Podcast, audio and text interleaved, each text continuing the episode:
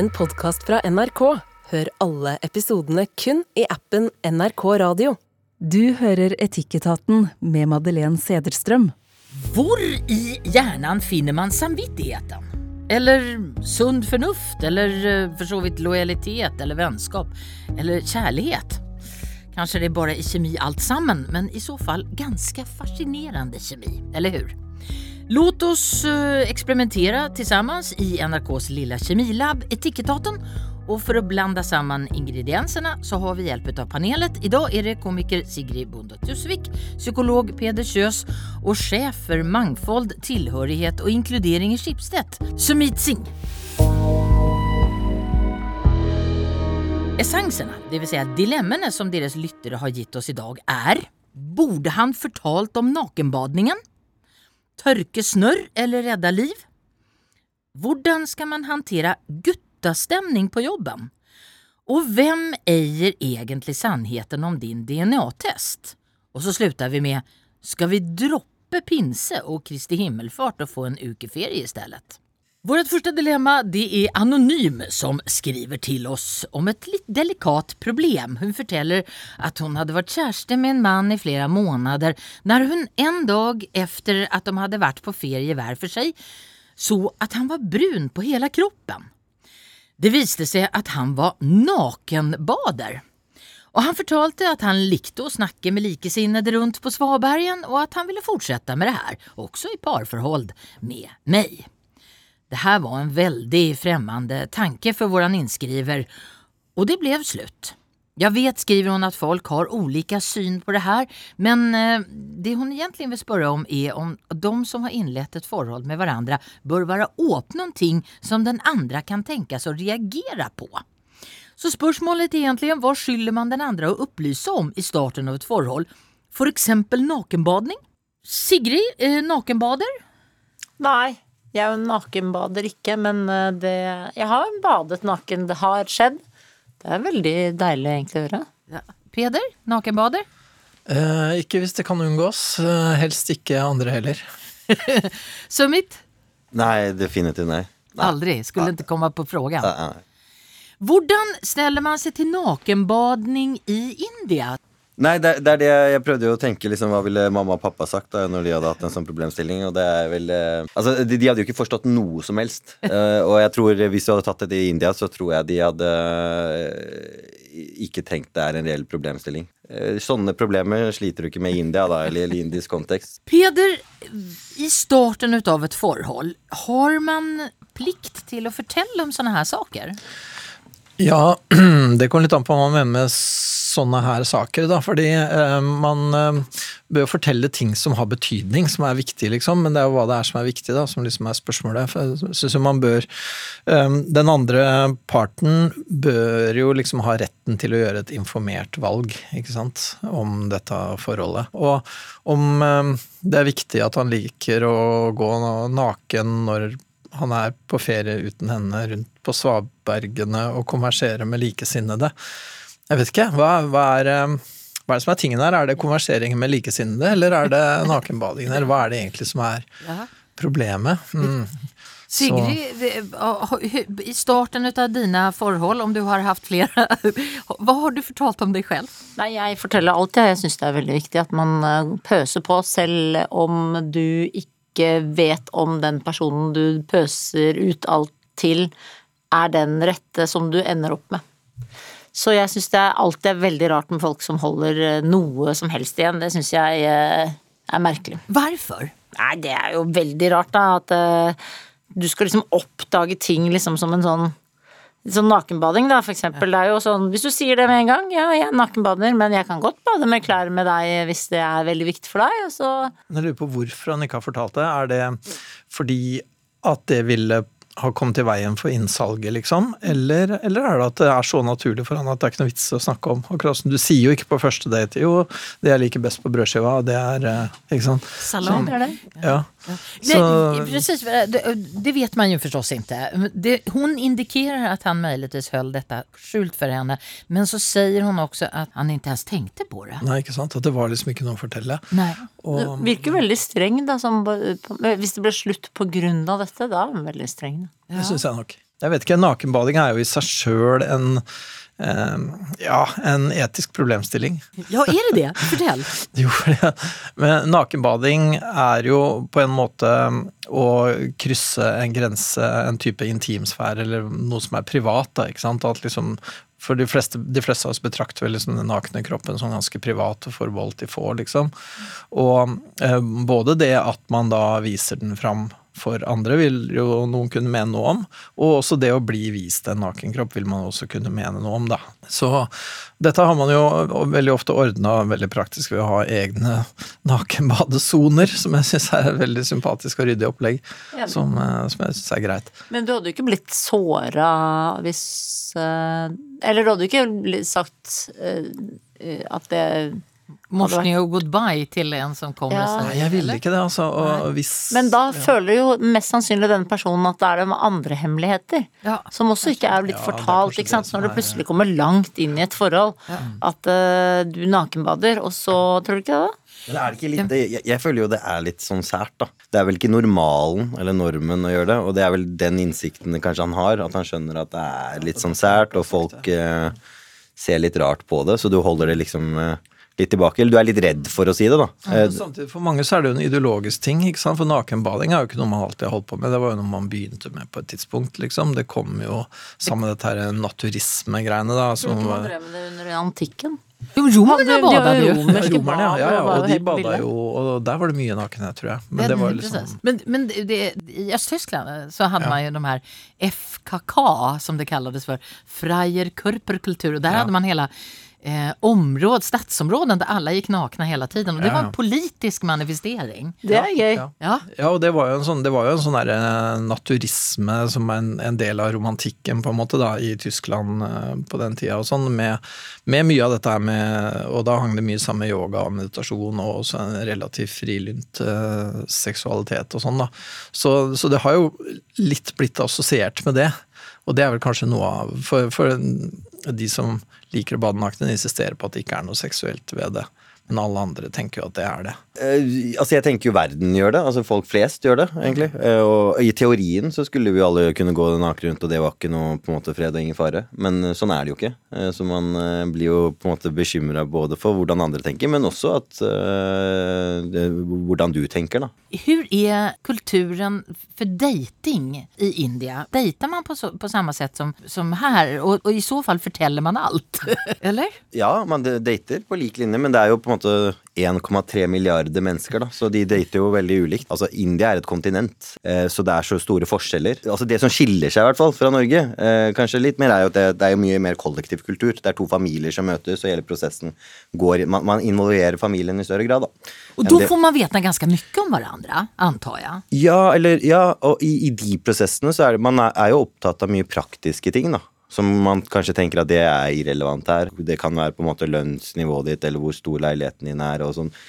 Eh, og så kan vi sitte og le litt av det fra Norge, men så tenker jeg at det man tenker der, er at ok, når man ikke investerer mange år på å bli kjent, så tenker man at ok, hva er det som er safe? Er det noen, på en måte man finner noen forhold som gjør at ja, dette er Her er vi like, eller her kan vi være sammen, og så investerer man i den bli kjent-fasen kanskje litt mer etterpå, da. Men du har jo altså gå til byene i Mumbai eller Delhi eller noe sånt, det er jo Bare Treffer man hverandre. Ja.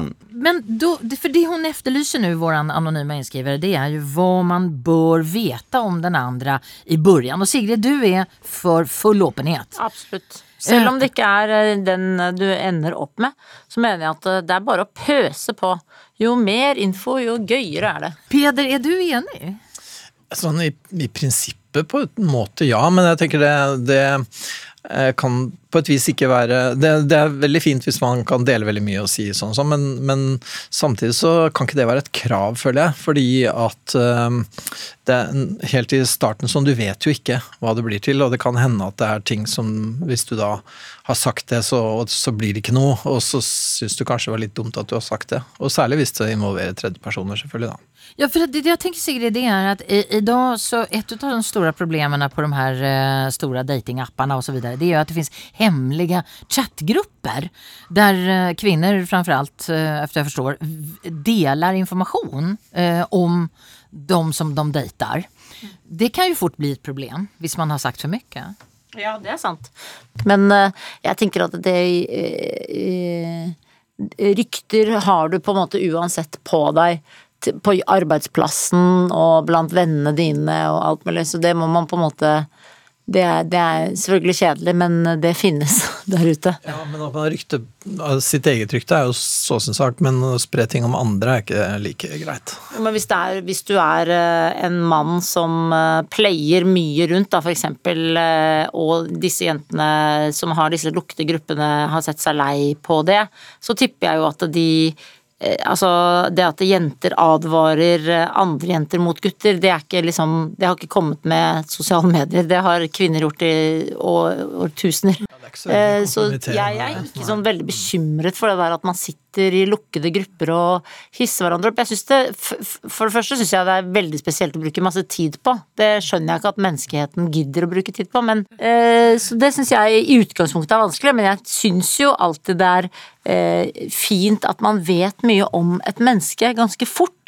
Eh, fordi du lager deg et veldig raskt bilde av det mennesket, og så tror jeg man blir veldig glad i folk som tør å dele. Tror du, du har rett i det, at eh, sånn intim informasjon er jo en form for sosial kapital på et vis. Da. Det er en måte å lage intimitet på, det å dele noen ting, ikke sant. Men da ligger det jo også i det at du helst ikke vil at det skal deles videre, da.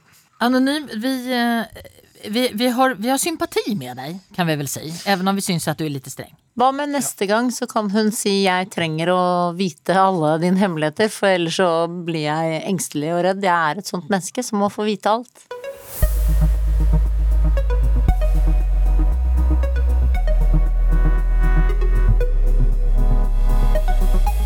Komiker Sigrid Bonde Tusvik, psykolog Peder Kjøs og sjef for mangfold og inkludering i Schibsted, Sumit Singh. Vi skal til et dilemma som vi har fått ifrån eh, en avis, nemlig den danske avisen Politiken. Og det er psykologen Frey Prahl som skriver om den så kallade etiska stressen. Og den følger vi ju för här i Etikettaten. Och då skriver Frey så här. Det här är den stress som småbarnsföräldrar rammes av när de vänder tillbaka till arbetet. Och han skriver att småbarnsföräldrars liv artar sig som ett undantagstillstånd. Det krangles om vems tur det är till att offra sig när barnet igen är sykt. Begge parter ender som underskuddsforretninger uten avstand til å hjelpe og støtte hverandre. Noen ganger kjenner jeg, sier han, at parterapi det er som å tilby små kluter i stedet for å lappe hullet som vannet strømmer utifrån. I et historisk perspektiv har vi aldri hatt det mer travelt. Sigrid, kjenner du igjen deg? Eh, absolutt. Sumit? Ja, jeg kjenner meg igjen veldig. Og Peder? Ja, det, så vidt jeg husker så var det ganske travelt å ha småbarn, ja. Hva er det som er mest travelt, eh, Sumit?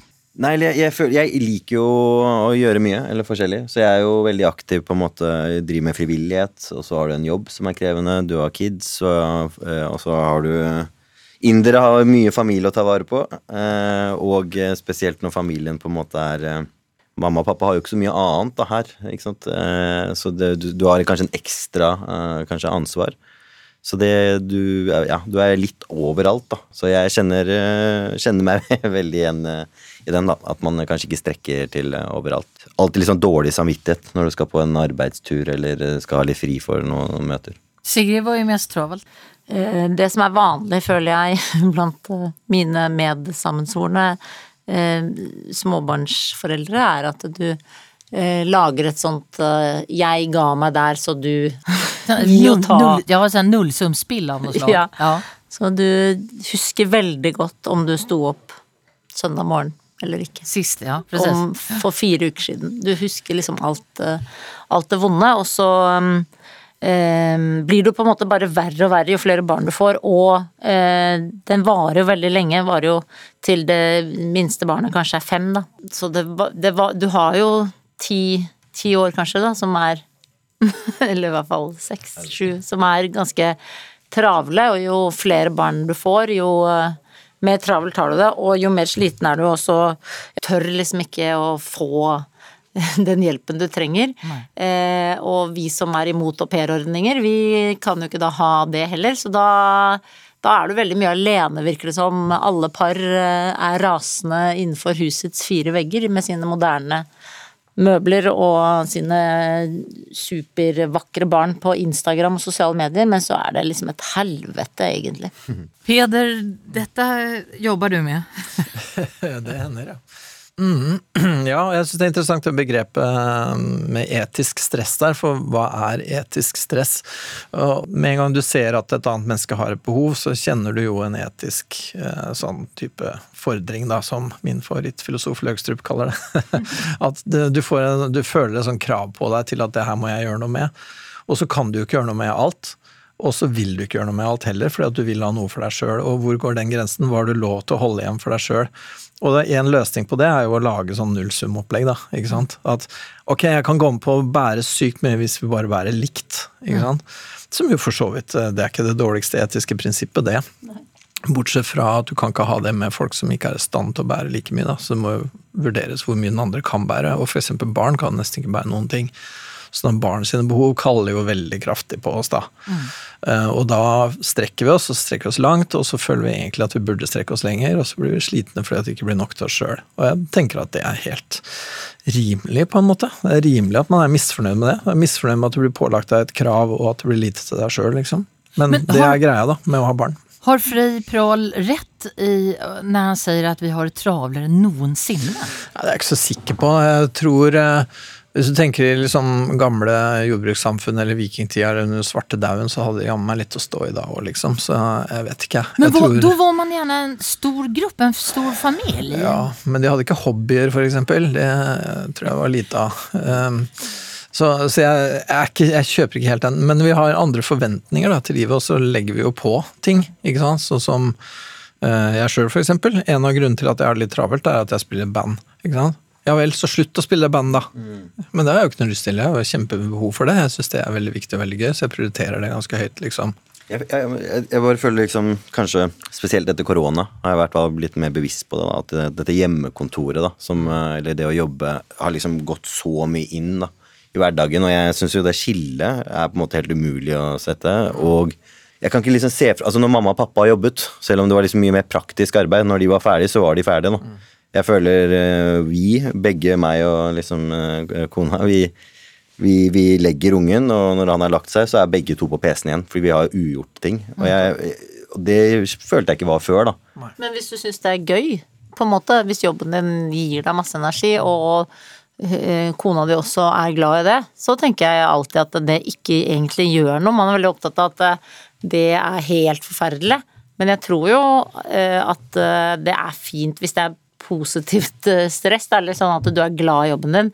Eh, og du har jo valgt eh, den jobben du har fordi du vet at du egentlig nesten kan ha det. Og så tror jeg det er bare de barna som gjør at du får Du har jo en dårlig samvittighet, så har du det der tredje skiftet der du er bekymra for veldig mange ting etter at de har lagt seg, da, som du skal sitte og tenke på inni mailene med jobben. Og så drømmer du egentlig tilbake, tror du ikke det? Bare til den der tiden jo. der du ikke bekymra deg. Jo, ja, og jeg tror liksom eh, Jeg tror begge vi har vært, sant, gått inn i nye jobber og er det vi opplever har vært liksom drømmejobbene våre. da. Det er det, og vi, det kommer akkurat når du har små barn. Ja, ja ikke sant? Og jeg tror at heller før i gamle dager Bestefaren min vet jeg ikke om var direktør liksom når han var 30, mens nå er du sjef, og du har knøtt liten unge.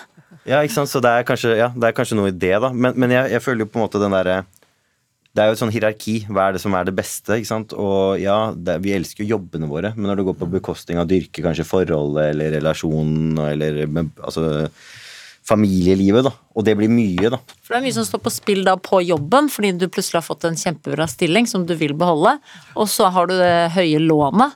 Og så har du det barnet som, da, som blir syk hele tiden, særlig da de tre første årene er jo bare syk hele Altså særlig det første året i barnehagen er jo Du hører at de andre før deg sier det barnet er sykt mye, men så får du da det i fleisen når eh, du begynner på, i barnehagen, og da er de andre som er eldre enn deg, som er akkurat ferdig med denne vonde småbarnsperioden, har, du har jo ikke vist dem noe sympati når du ikke hadde barn. Så da føler jeg alltid at på arbeidsplassen så straffer de deg. Eller vi, da. Vi som har liksom da nå fått barn i skolealder. Da straffer jeg de andre med mindre barn fordi de ikke viste meg eh, sin sympati. Så det er en evig ond sirkel. Ja, det var ingenting som var verre under liksom, lunsjen hvor eh, du, når du var ung og alle de rundt bare snakka om barna som var syke og ditten og datten. Det var, det var så kjedelig, liksom. Men så har vi blitt de selv nå. Det Sånn er det jo. Og før så var det jo også greiere, fordi at hvis da barnet ble syk, da, så den som var direktør, hadde jo neppe en kone som også var direktør, ikke sant. Så han hadde vel heller en kone som var au pair, da. Og um, det var jo en veldig grei ordning. Ja, vi, og for, dit vil vi det er jo ingen som vil tilbake dit, eller? Det er faktisk noen, og jeg Ja. tror egentlig ikke det er en så farbar vei, da, men det er jo noen som vil, noen som på en måte er veldig nostalgiske på det greiene der. Mm. Så, eh, hva var det? Er det sånn, er det sånn tradwife, eller Det er en eller annen sånn her bølge nå igjen, da, med sånne her, eh, damer som har lyst til De unge drømmer jo om å stifte familie og, ja, og bli forsørga og gå hjemme og bake ting, liksom. Men, Det er eh, livsfarlig. Da, da er vi dårlige forbilder, føler jeg, vi som liker å jobbe. Men det här, nu pratar vi bara om småbarnsföräldrar, men här, den här etiska stressen för moderna människor, den uppträder ju gärna eh, egentligen på många olika sätt. Jag har gamla föräldrar, eller en väninna som har en deprimerad 15-åring. Vad får man lov att prioritera? Ja, det er jo egentlig helt umulig å svare på, fordi det er jo en sånn kontinuerlig forhandling, det der hvor du må liksom se på behovet, og stort sett da i de fleste liksom etiske måter å tenke på, så er det jo den som er mest sårbar, er jo den som går foran, ikke sant. Så det er derfor så hvis babyen skriker om natta og du ikke har sovet, så er det babyens skriking går foran din søvn, det sier seg sjøl på en måte. Og så er det de gradene der hele veien, da. Hva med din dine gamle foreldre for eksempel, ikke sant? kan ikke staten ta seg av dem, eller hvordan skal det være? Og, og det går ikke an å gi noe sånn svar på det, det må liksom vurderes i hver enkelt situasjon, men det er et godt prinsipp da, at den som det er mest synd på, bør prioriteres. Men her, jeg, jeg snakket med, det här om, med en venninne om det her, og, og hun är eh, psykolog, barnpsykolog på BUP. Eh, hun hon har da små barn som er sjuka hele tiden. Mm. Og da sitter hun og tenker så her på BUP så, så er det en eh, meget deprimerad eh, unge som har time hos meg i dag. Men min unge eh, snorar. Eh, ska jag sända barnet i, i barnehagen egentlig? Det er egentlig ikke riktig å gjøre det, men da kan jeg komme på time med, med den her åtteåringen. For det er jo et annet etisk prinsipp her, det var populært på slutten av 90-tallet, eller egentlig midten av 90-tallet, som heter nærhetsetikk, da, at du, du har rett til på et vis, eller det er etisk forsvarlig å prioritere den som du er nærmest, på en måte.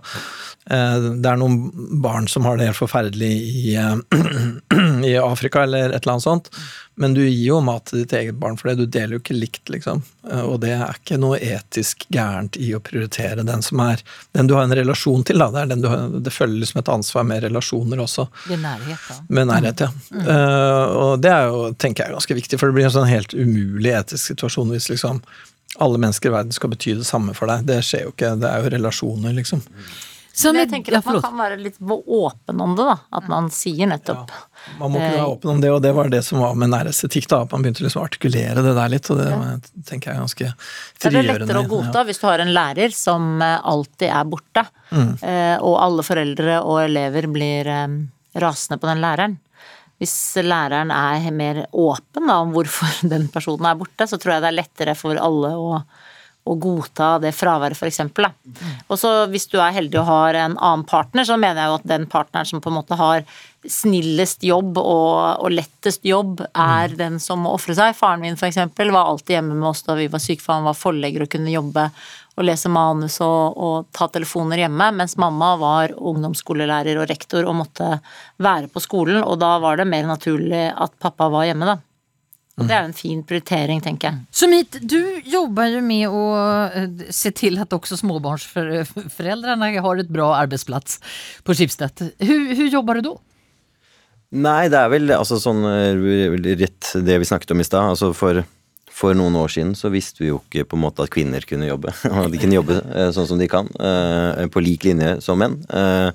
Eh, Vi visste ikke at blinde folk kunne jobbe, eller folk som ikke snakket flytende norsk kunne jobbe på en norsk arbeidsplass, og det vet vi jo nå, da.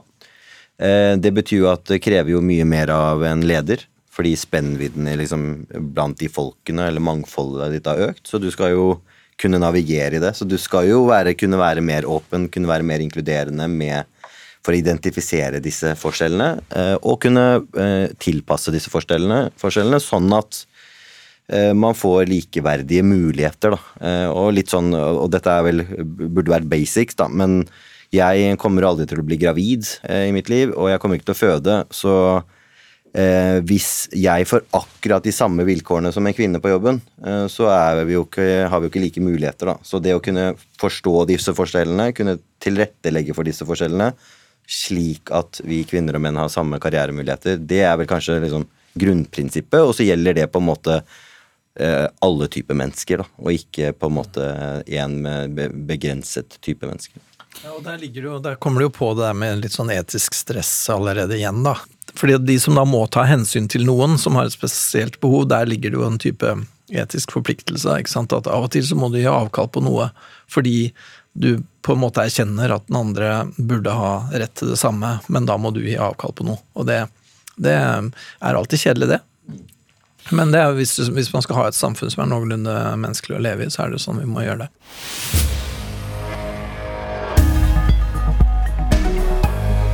Komiker Sigrid Bonde Tusvik, psykolog Peder Kjøs og sjef for mangfold og inkludering i Schibsted, Sumit Singh.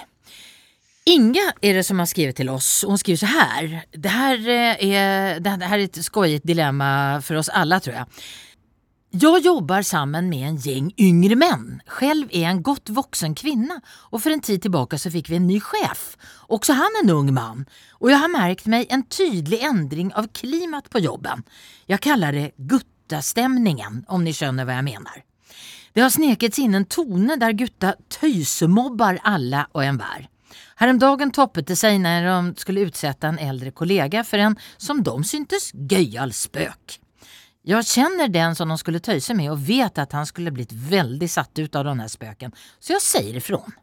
De stoppade spöken men jag märkte att de syntes att jag var snärpete och kedlig. Och jag gruer mig för att ta upp det här med guttastämningen för jag vill ju inte bli uppfattad som sur och gammal kärring. Men samtidigt så syns jag inte helt att det går an att vara slik som det har blivit nå. Vad syns ni att jag ska göra? Hilsen selverklært tante Sofie. Sigrid, er du tante Sofie av og til på jobben? Eh, ja, eh, men eh, Og jeg elsker dette dilemmaet. Altså, det er så det, det, her tror jeg det er så mange som Det er så mange arbeidsplasser som har det sånn. Mm. Det er helt vilt. Eh, fordi tenk så Alle elsker jo guttastemning hvis det er skikkelig god guttastemning. Og så er det jo veldig kult at hun senser at han ene som da kanskje skal bli pranka eller roasta av disse guttastemning-gutta, som nå har begynt å være helt fri i guttastemningen sin, uh, så senser hun nei, det kommer ikke han til å like. Så hun stopper det, som jo er utrolig hyggelig gjort, er dere ikke enig? Mm, det er så fint at eh, hun gjør det. Men så blir hun jo da ordentlig kjerring, eh, ikke sant, som, som stopper stemninga. Og jeg, jeg, tror det er så mange som opplever det, at det kommer en ny sjef, så blir det en helt annen tone, og så blir det sånn ah, Dette er jo egentlig Ja, det er en kul, gøyal tone, men det er litt feil tone. Og det er det som er så kjedelig også, ikke sant, man, men det er jo det som er liksom fint at vi lever i en tid som blir litt kjedeligere og kjedeligere for da slipper du å bli metooet på kopirommet, ikke sant. Så ja, vi skjønner jo at det blir et kjedeligere julebord når eh, alle må sitte oppå hendene sine, men så blir det hundre ganger hyggeligere miljø egentlig når man får dempet stemninga. Og det er jo det samme med kvinner. Eh, det kan bli veldig jævlig kvinnestemning òg på jobben. Eh, som ikke gutta liker. Så det er jo ikke sånn at uh, dette er spesielt for altså guttastemningen. Det, det også kan være kjip og døll jentestemning på jobb, og jeg tror her er det så mange som kjenner seg igjen. Så du jobber jo med det her? Ja, ja, ja. Jeg, uh, Skipsted vil jeg kalle topp guttastemning, faktisk. Ja, ja, vi, jeg elsker jo å hate på en måte problemstillingen, og jeg er enig med Sigrid. da, altså Jeg tipper ikke det er en eneste arbeidsplass i Norge som ikke har det i en eller annen avdeling eller team. Eh, men da eh, mener jeg jo at altså det ene er jo guttastemning eller damestemning eller funksjonsevnestemning eller ikke-skeiv stemning, ikke sant. Det er jo på en måte mange typer liksom, kulturer, og det man vi ser jo, er jo at du har denne fit-in-kulturen. Du må tilpasse deg, så hvis hun eh, kjøper seg inn og liksom begynner med å bli litt sånn uh, Adoptere guttastemning, så har hun en plass og kan liksom blomstre der. Hvis hun ikke gjør det, så visner hun, på en måte. Uh, og det er jo et problem. Uh, og det, det, er jo derfor jeg liker å jobbe med dette, fordi vi ser at folk eh, ikke tør å ta med hele seg selv på jobben. De tør ikke å liksom Fordi de, det er ikke rom for at de kan være seg selv. Eh, Og det er tap for individet, det er tap for selskapet, og det er tap for samfunnet. da. Men er det ikke derfor man har HR-avdeling, på en måte? Ja, det spørs jo hva på en måte jeg- Altså Men HR kan også kanskje være en del av guttastemningen, og da er jo, det like ja, og jeg, og jeg tror liksom tilbake til dette med spennvidde, da. Hvis du kanskje får sjakk med liksom guttastemningen, så er det kanskje liksom eh, Kall det svart eller hvit stemning. Ikke sant? Hvor mye vet eh, HR om det? Eller, eh, ikke sant? Det er jo noe med bevisstheten å forstå på en måte eh, nye typer mennesker eller behov, og kunne justere i forhold til det. Og jeg tror kanskje det verste også, som vi er inne på, er jo dette med alder. Ikke sant? Eh, hvis du er eh, veldig mange som er uh, høyt oppe i alderen, når du kommer som ung og har sett en kul ting på TikTok, tør du å dele det, eller er det liksom ikke rom for det? Og så da, hvis det ikke er rom for det, så går, jo, går man jo glipp av ideer og kreativitet. Det er et problem. Så derfor så tenker jeg at eh, jeg elsker at du tar det opp, fordi da kan jeg brife om jobben min. Ja. Går det bra på Schibsted? Får du bort guttastemningen? Eh, Ja, vi, vi, vi har nok eh, Altså, de kartleggingene vi har gjort, så ser vi jo faktisk at eh, det er eh, mye det vi kaller taus kunnskap rundt og går. Folk har mer å by på. Ja, og da er jo nettopp det at man tror at guttastemningen kan øke det, men det tror jeg er motsatt effekt. Og da er det egentlig at lederen er den som må liksom eh, krype til korset og lage dårligere stemning, ikke så god stemning. Og det er kjedelig, og det, det tenker jeg veldig mange sjefer og mellomledere må på en måte skjønne. Jeg husker moren min da hun ble rektor, så sa hun rundt middagsbordet nå har jeg blitt rektor, så nå kommer jeg til å slutte med humor og ironi, fordi det tåler verken elever eller lærere. Og det var jo veldig sorg i vår familie, som bare drev med sarkasme og ironi og humor. Men hun har jo helt rett i at uh, du skal, kan ikke tulle så mye som Det er på en måte prisen du betaler, da. Uh, med å få høyere lønn og høyere stilling og ansvaret du faktisk har. Du har ansvaret, i hvert fall hvis du har personalansvar, da. Peder, det, det her kommer du sikkert uh, för. Är dette problemet, eller? Eh, Ja, jeg, eh, jeg tenker jo veldig, veldig mye av dette her er sånn humor og guttastemning og sånne eh, pranks og alt det greiene der. Det er jo egentlig veldig ofte så er jo det et uformelt makthierarki eller uformell maktutøvelse, ikke sant. Og det er jo det hun reagerer på kanskje her òg, ikke sant. At det blir en sånn noen er veldig inne, og så er de andre ute, og så eh, setter man en type regler, da. Og hvis du er imot det, så er det du som er kjip og kjedelig, liksom. Og egentlig så er det jo litt sånn fordi det liksom er humor, så er det jo fordekt, men det er jo et maktspill, ikke sant. Og det uh, uformelle maktspillet der, det tenker jeg at særlig som leder så bør man i hvert fall ikke være med på det. Och det, men det kan være litt vanskelig å få tak på. Ja, det kan være vanskelig å få tak på fordi at man har humor hele tida, da. At det er liksom gøyalt, og da må du liksom være med på det. Hun her er eldre, ikke sant, så Ja, ja. hun føler seg så innmari gammel, liksom, og stopper stemninga, da. Ja, så Du får sånn alderisme da, den veien også. ikke sant? At nei, De unge og mennene de har sitt miljø, og hvis du på en måte opponerer mot det, så blir det slått ned på. Men det blir slått ned på på en måte som i sin tur er vanskelig å slå- slå ned på, fordi at det var jo bare på gøy. Det var bare humor, liksom. Og de der, så, sånn der, de der uformelle maktspillene der er ganske skummelt, og det er jo det man veldig godt kan kalle mobbing, da, rett og slett. Ganske mye av det. Men jentestemning jentestämning, eh, det seg annerledes På, på, på, på arbeidsplasser der det er da Ja, der tror jeg du er mye mer baksnakking og sånn med jentestemning. Eh, der eh, det blir veldig eh, ja, sånn kjip stemning igjen. Er Der du kan begynne å bare slenge dritt om kollegaen din i et lukket rom, og så vet du eh, Når du går ut, så slenges det dritt om deg, og det, det er veldig sånn jentestemning, da, som også er kjipt.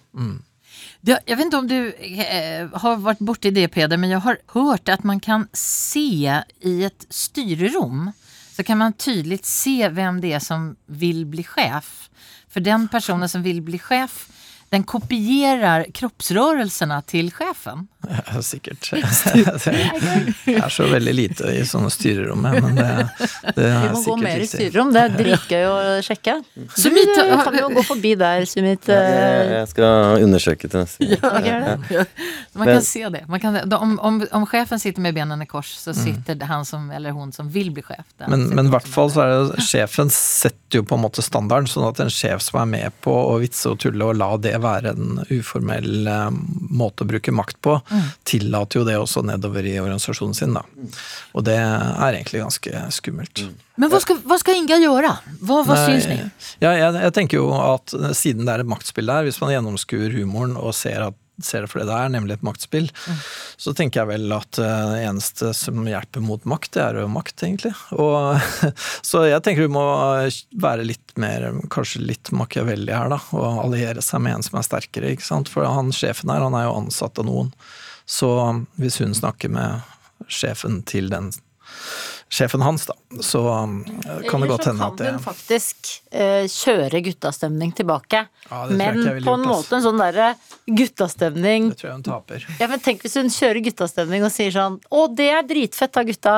At vi tar han som ikke kommer til å synes det er noe gøy. Altså at du liksom uh, får guttastemningen til å skjønne Ja, det er kanskje ikke så lurt. Det var, det var, Altså, hvis, du sitter, eh, hvis du sitter rundt lunsjen, og de, de, de hisser seg opp, og de bare ler og ler og slår seg på låret, og ja, det gjør vi, ja, det gjør vi, og så at hvis du slenger inn da en setning Jævlig fett gjort, gutta!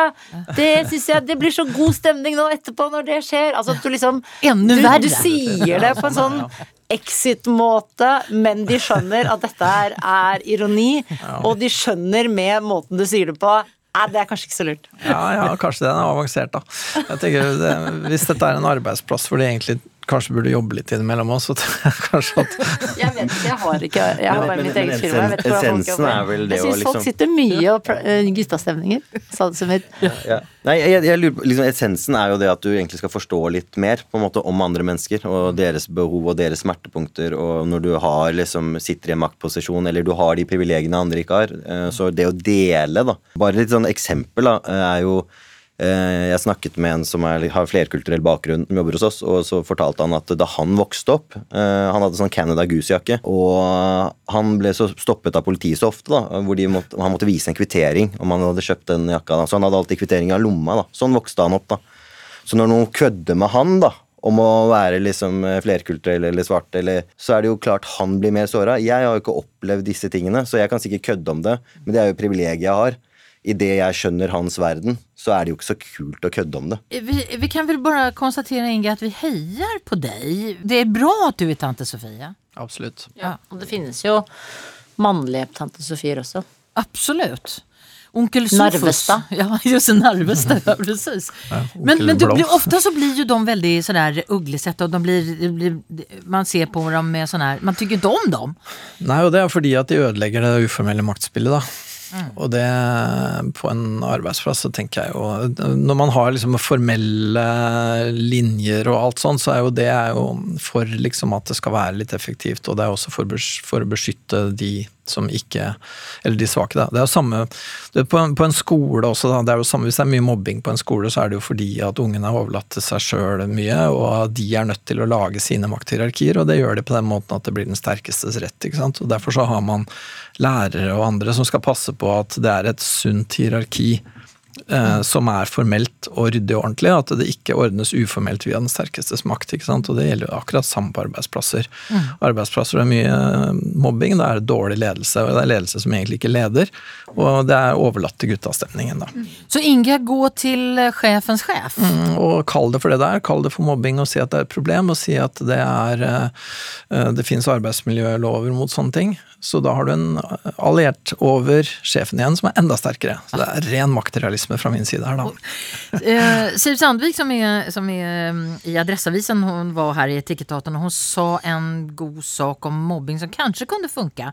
Eh, nemlig at hvis noen sier noe sånt der skitkul til deg, så kan du si, Hva var det du sa? Fordi når man er tvungen å si en gang til det der som var så himla kul, da blir det plötsligt inte så kul längre. Så kanskje det skulle hjelpe? Jeg vet ikke. Ja, kanskje. Ja. Jeg, jeg digga det rådet, i hvert fall. Og Ja. jeg går rundt og brifer om at det, det var mitt råd, da, men nå Ja. Så jeg, jeg syns det er skikkelig bra. Ja, det, det du bare, du bare velter om på maktsituasjonen.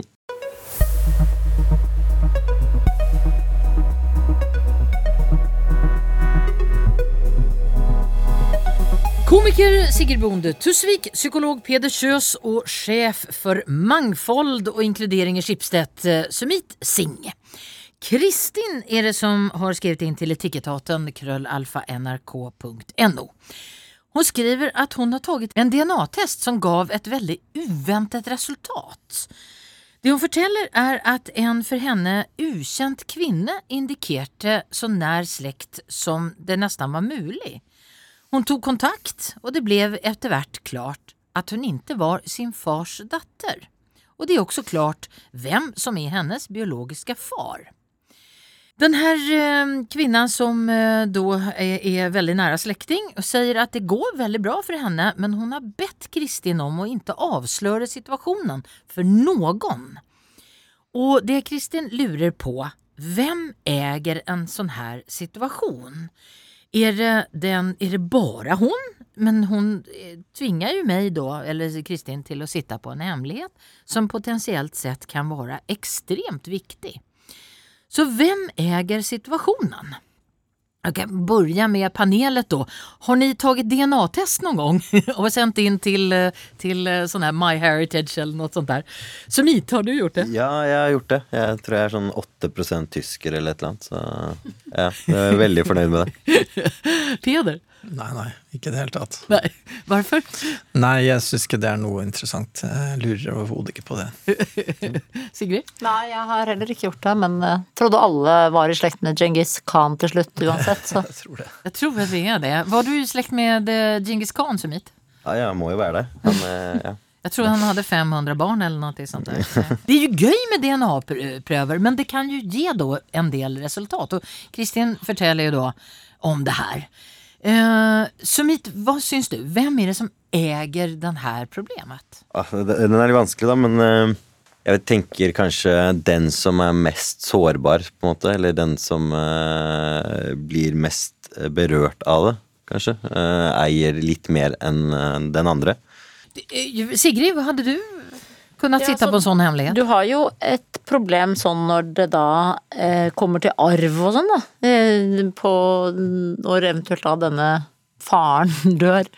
Så har jo denne personen egentlig rett på like mye arv. Så jeg eh, syns jo, som Sumit sier, at det er den som på en måte er eh, eh, Det mest sårbare mennesket her er jo den som har, er et barn av eh, Og så plutselig plötsligt får vite at hun har en annen pappa. Ja, og det er jo hun som da må få lov til å bestemme, og ene og alene hun som må få lov til å bestemme, faktisk. Eh, Og det er irriterende for Kristin, men eh, jeg tror det er helt på merket at hun Og hun kan få lov til å være helt eh, usaklig og, å bestemme først noe, og så snu og bestemme noe annet. Hun har på en måte retten til å være vanskelig og lett når som helst.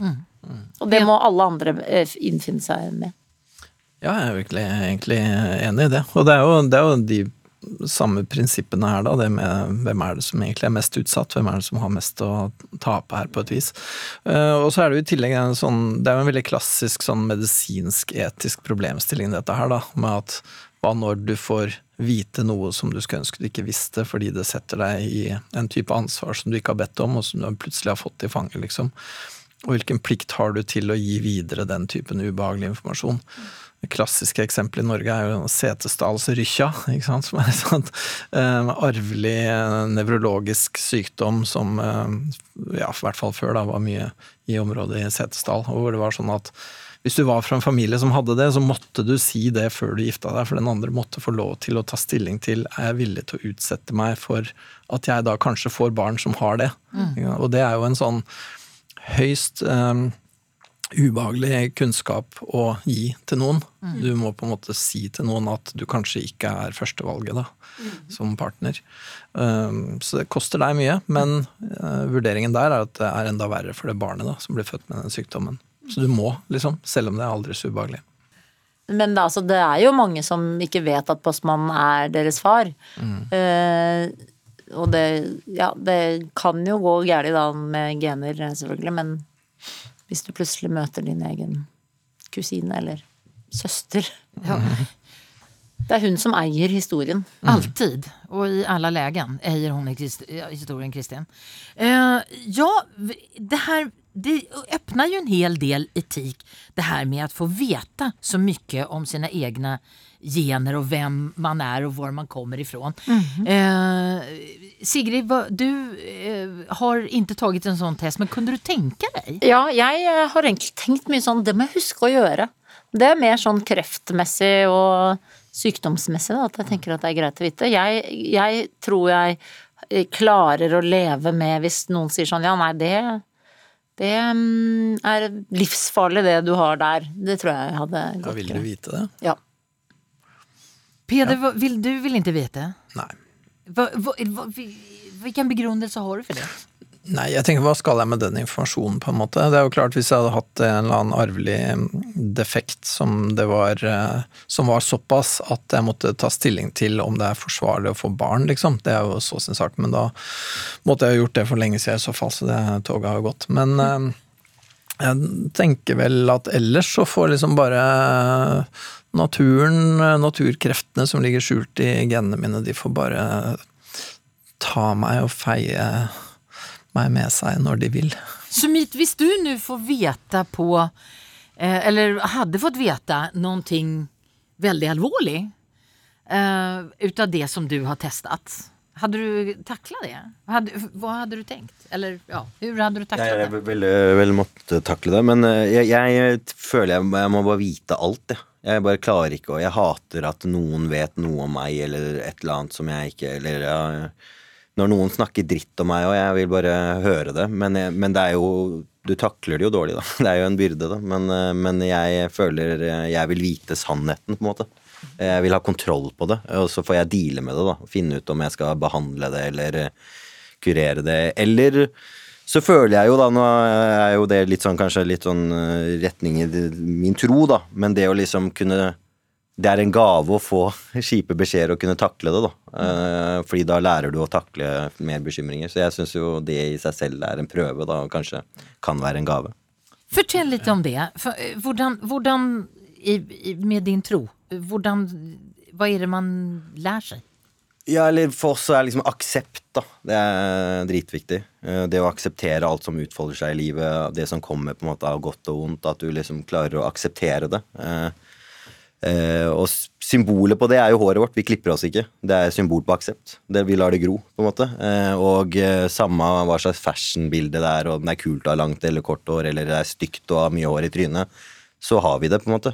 Og det er jo Jeg føler det gir meg litt som mer dimensjoner, da, i hvert fall å vokse opp i Norge, da, og være kanskje Når alle kunne begynne å barbere seg når de vokste opp, og jeg ikke kunne, så var det jo litt kjipt og stygt, liksom. Eh, Men eh, for meg så følte jeg det var, det var en gave, da, eh, i ettertid. Fordi jeg føler det har gitt meg en eller annen dybde, da. Du, Eh, du var tvungen å takle det, så enkelt var det. Ja, ja, og ja, ikke sant. Og det er jo kanskje det å ikke alltid ha den enkle veien, da. At uh, tror jeg at Sumit, du er altså sikh, bare så at vi, vi har sagt Yes. det til lytterne. Jeg er sikh. Og det betyder at du uh, har eh, en ja, hva, hva, er, hva er en sikh? Hvilken slags religion er det?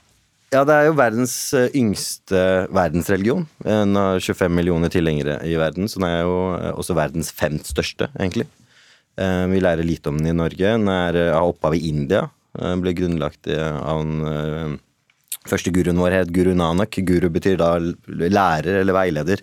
Og han reiste opp i gamle India hvor det på en måte var kassesystemet så sterkt, prestene sto sterkt i samfunnet, eh, kvinner ble diskriminert og undertrykt. Så han reiste opp som en reaksjon mot kassesystemet, mot kvinneundertrykkelsen, og sa vi skal alle elske alle mennesker, alle mennesker er likeverdige, eh, og sto opp for liksom solidaritet og, og kjærlighet til alle sammen rundt det. Eh, som det var 1469 han ble født, da. så det var ganske tidlig egentlig. da. Mange av de på en måte moderne demokratiske verdiene vi kjenner i dag, var det på en måte han kjempet for for 500 år siden. Veldig spennende. Ja, vi tok en liten detour innom uh, sikene her, men hva sier vi til Kristin? Hun får uh, holde tett, Sigrid.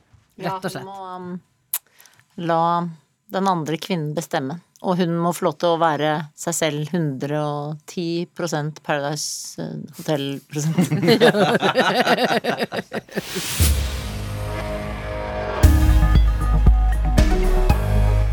Komiker Sigrid Bonde Tusvik, psykolog Peder Kjøs og sjef for mangfold, tilhørighet og inkludering Sumit Singh. Nina er det som skal få sitt dilemma vritt og vänt på seg.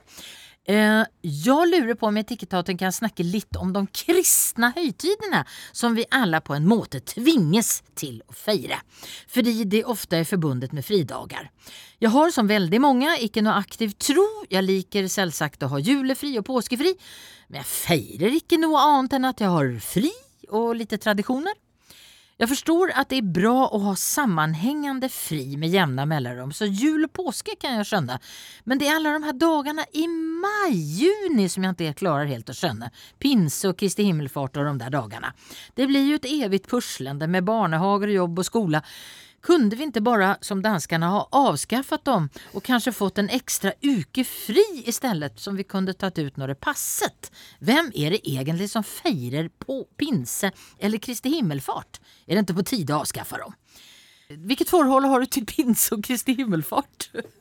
Nei, det er jo dritdigg med fri, da. Jeg elsker jo mai og juni. Jeg syns det er det beste måneden i året, liksom. Hvor du Det er ikke en eneste hel uke, arbeidsuke. Så det er jo bare en eh, gave. Jeg, er ikke så opptatt av den sammenhengen i uken eller noe sånt, egentlig. Værmessig, da, så syns jeg jo at det er en god idé eh, at vi kunne fått en uke og så plassert den selv. fordi nå får vi jo mer og mer sånn Indian summer-tid i august-september. Der det er veldig rart at vi har liksom sittet og regnet bort i juli, eksempel, i fellesferier. Eh, Som er en skikkelig drittmåned i Norge, juli. Det er ordentlig skuffende vær, vil jeg ofte si sånn eh, i, om sommeren. Og så er det bare helt fantastisk nå på slutten av august og september. Er det sånne varme, late dager. Da må alle jobbe. Men uh, mai er jo også utrolig Da har vi akkurat møtt lyset. og det er veldig ofte fine dager. Der eh, jeg tror mange liksom benytter seg av naturen og det er veldig norske, da. Du får noe grønt eh, rundt deg. Eh, helsemessig veldig viktig med pinse.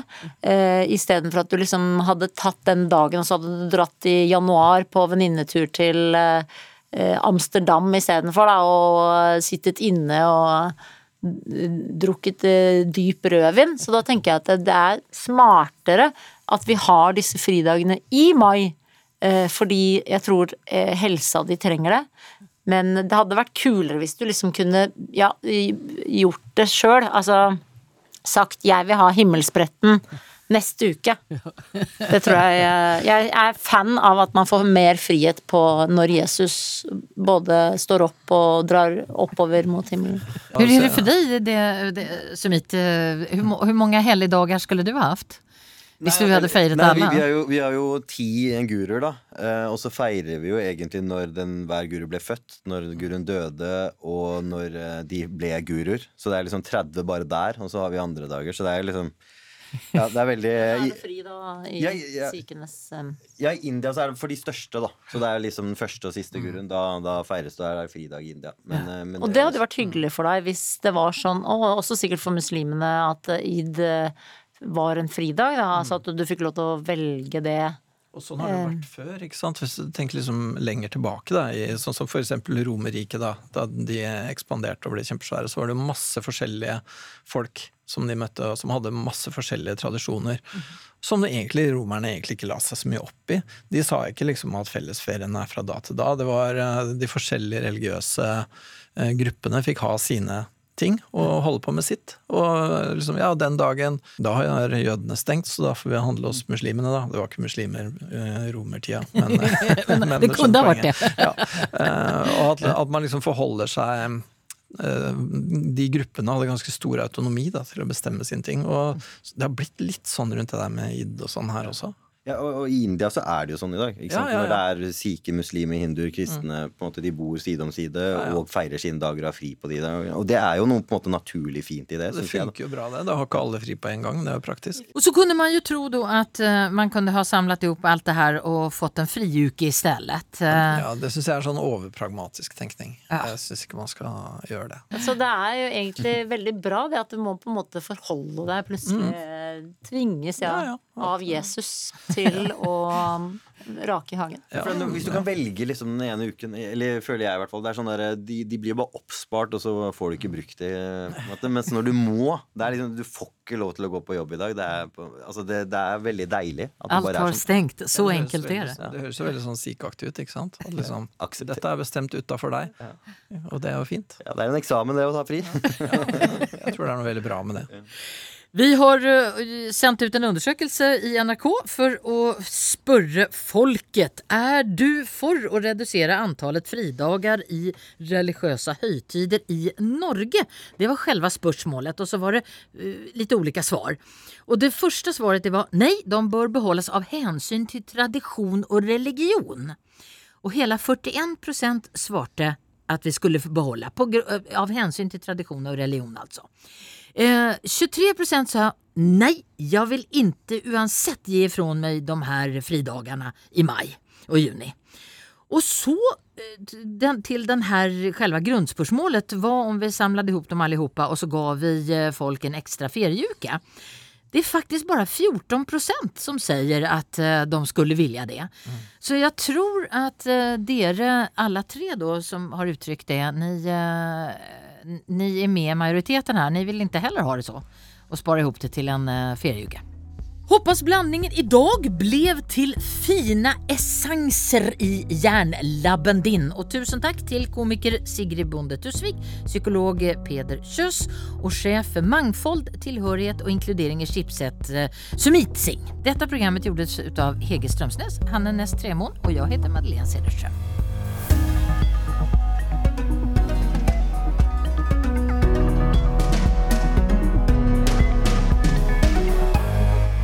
Du har hørt en podkast fra NRK. Hør alle episodene kun i appen NRK Radio.